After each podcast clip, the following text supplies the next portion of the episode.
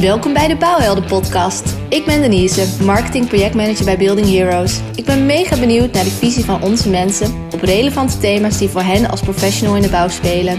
Ik ging op onderzoek en sprak hen via mijn favoriete medium, de podcast. Let's go! Hey Willem, welkom bij de Bouwhelden podcast. Dankjewel. Hey, vertel, wie ben jij? Mijn naam is eh, Willem Molengaaf en ik ben uh, een van de oprichters uh, van Building Heroes. Nou, we hebben meteen een mooi iemand aan de andere kant van de lijn. en als er nou iets is dat je zegt, dit is de grootste open deur in de, uh, in de verhalen over de bouw. Wat komt er dan bij jou op? Um, de grootste open deur? Jeetje, dat is een goede vraag. Nou, ik denk dat de grootste open deur is, is dat bouw uh, conservatief en traditioneel is. Uh, omdat ik het idee heb dat dat, nou, dat, dat zeg maar echt wel in ontwikkeling is. Dus dat er echt wel hele mooie dingen gebeuren in de sector. Ja, en je zegt er gebeuren heel veel mooie dingen. We zitten natuurlijk best wel in een bijzondere, bijzondere tijd, bijzondere periode. Mm -hmm. Wat denk je wat de bouwsector hiervan leert? Nou, um, ik weet niet of de bouwsector hier echt iets van gaat leren, omdat er voor de bouw op zich niet echt heel erg veel verandert. Uh, anders dan in de vorige crisis, wat een economische crisis was. En dit is met name uh, een zorgcrisis. Um, dus uh, ik denk niet dat er echt een uh, bepaald lerend vermogen in zit. Uh, wat ik wel denk is dat, dat er misschien wel wat gaat gebeuren nog op wat langere termijn, zeg maar over bijvoorbeeld een jaar. en dan zou het best wel eens kunnen zijn dat, dat bedrijven weer gedwongen worden om na te denken over hun propositie. over de manier waarop ze bouwen, over de manier waarop ze hun klant bedienen. Dus dan denk ik wel dat er nog dingen gaan veranderen. Ja, het vraagt er eigenlijk wel, ook al er verandert niet zo heel veel zeg je, maar het vraagt wel een flexibele uh, manier van werken. Uh, ook omdat veel meer mensen thuiswerken bijvoorbeeld. Ja, precies. Maar dat is, dat is meer eigenlijk een manier van hoe, uh, hoe ga je samen aan de slag met projecten. En dat geldt natuurlijk niet alleen voor de bouwsector, maar dat geldt natuurlijk voor, voor heel Nederland, heel werk in Nederland op dit moment. Is dat je wel ziet dat, dat je veel ja, efficiënter eigenlijk kunt werken. Dat is volgens mij wel hetgene wat, je, wat we met z'n allen hiervan leren. Is dat het dat je niet per se dat lijf in je auto hoeft te zetten om uh, naar collega's te rijden of naar een kantoor te rijden. Maar dat je ook prima vanuit een, uh, ja, bijvoorbeeld een thuiskantoor uh, met bijvoorbeeld Teams of Zoom, dat je een gesprek met elkaar kunt voeren en elkaar kunt zien. en daarmee kun je ook veel efficiënter werken. Dus wat de sector, of eigenlijk werk in Nederland hier misschien wel van leert, is dat, ja, dat er toch andere manieren zijn om met elkaar succes te boeken. Ja, dat klopt zeker. En als je nou naar jezelf kijkt, wat leer jij van deze tijd? Zijn er persoonlijke uh, facetten waar je denkt, hé, hey, dat, dat, ja, ik kan er eigenlijk veel beter mee omgaan dan ik misschien had gedacht? Nou, ik denk dat hetgene wat ik je net vertelde, dat het ook voor mezelf geldt. Ik heb uh, twee jonge kindjes en uh, nou, die hebben natuurlijk de afgelopen weken ook thuisles gekregen. Dus nou, dan daarin toch wel een stukje verdeling gemaakt tussen mijn vrouw en, en ikzelf. wie wat deed. En ja, dan zie je wel dat het wat meer door elkaar heen loopt. Uh, maar ook ik heb geleerd dat ik uh, op, uh, op een aantal aspecten toch wel efficiënter aan de slag kan gaan. Door ja, op sommige momenten echt bewust thuis te werken en, en thuiszaken op te pakken. En in sommige gevallen bewust naar kantoor te gaan om echt met collega's face-to-face gesprekken te hebben. Natuurlijk met inachtneming van alle richtlijnen. Maar dat je elkaar op sommige momenten niet echt per se hoeft te zien om gewoon wel succesvol aan iets te kunnen werken.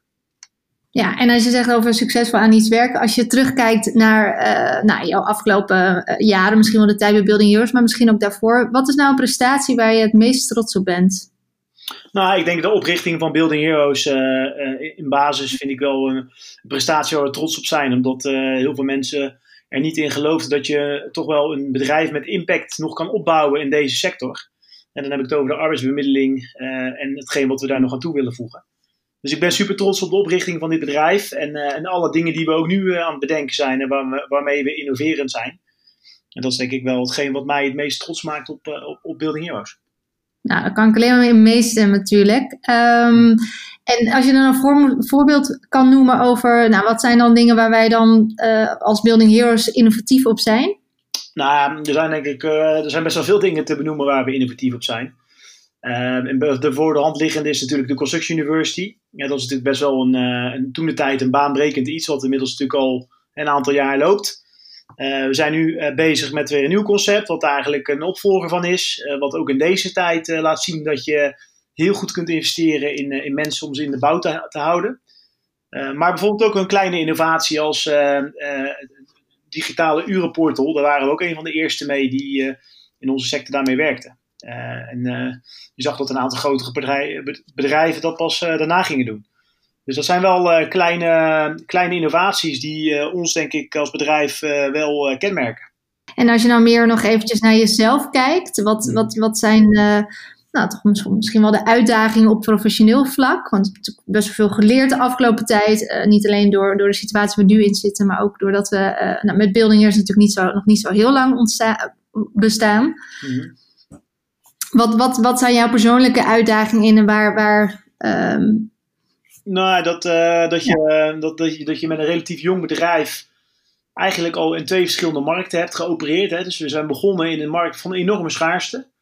Um, en uh, nu in deze coronatijd uh, is er eigenlijk nog steeds wel sprake van schaarste. Want mensen zijn natuurlijk niet echt bereid om over te stappen. Dus er zijn nog steeds best wel veel vacatures.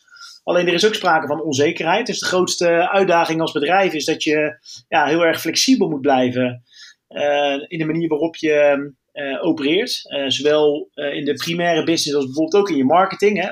Goed voorbeeld van ja, hoe ga je met marketing om in, een, in, in coronatijd bijvoorbeeld. Dat zijn wel uitdagingen waar je als bedrijf voor gesteld staat. En ook het schakelen naar in één keer thuiswerken, ook met het opleiden van mensen bijvoorbeeld. Dat is ook zoiets wat, uh, wat heel anders is. Dat zal niet alleen voor ons gelden, maar denk ik voor heel veel andere bedrijven. Dus er, is, ja, er zijn best wel wat uitdagingen links en rechts. En dat, geeft ook wel, dat geeft ook wel een hoop energie, moet ik zeggen. Want ehm, ja, als het, als het maar gewoon normaal gaat, dan is het ook maar saai natuurlijk. Ja, en die energie die kan je natuurlijk um, helemaal teruggeven aan het bedrijf. Um, hey Willem, de tijd zit erop. Dus ik ga je heel erg bedanken voor, je, voor jouw tijd en voor je antwoorden. Graag gedaan. Um, en wij spreken elkaar sowieso snel. Dankjewel. Jij ook bedankt voor je vragen. En tot snel. Vond je deze Bouwhelden podcast te gek? Luister meer, laat het ons weten en abonneer op het podcastkanaal van Building Heroes.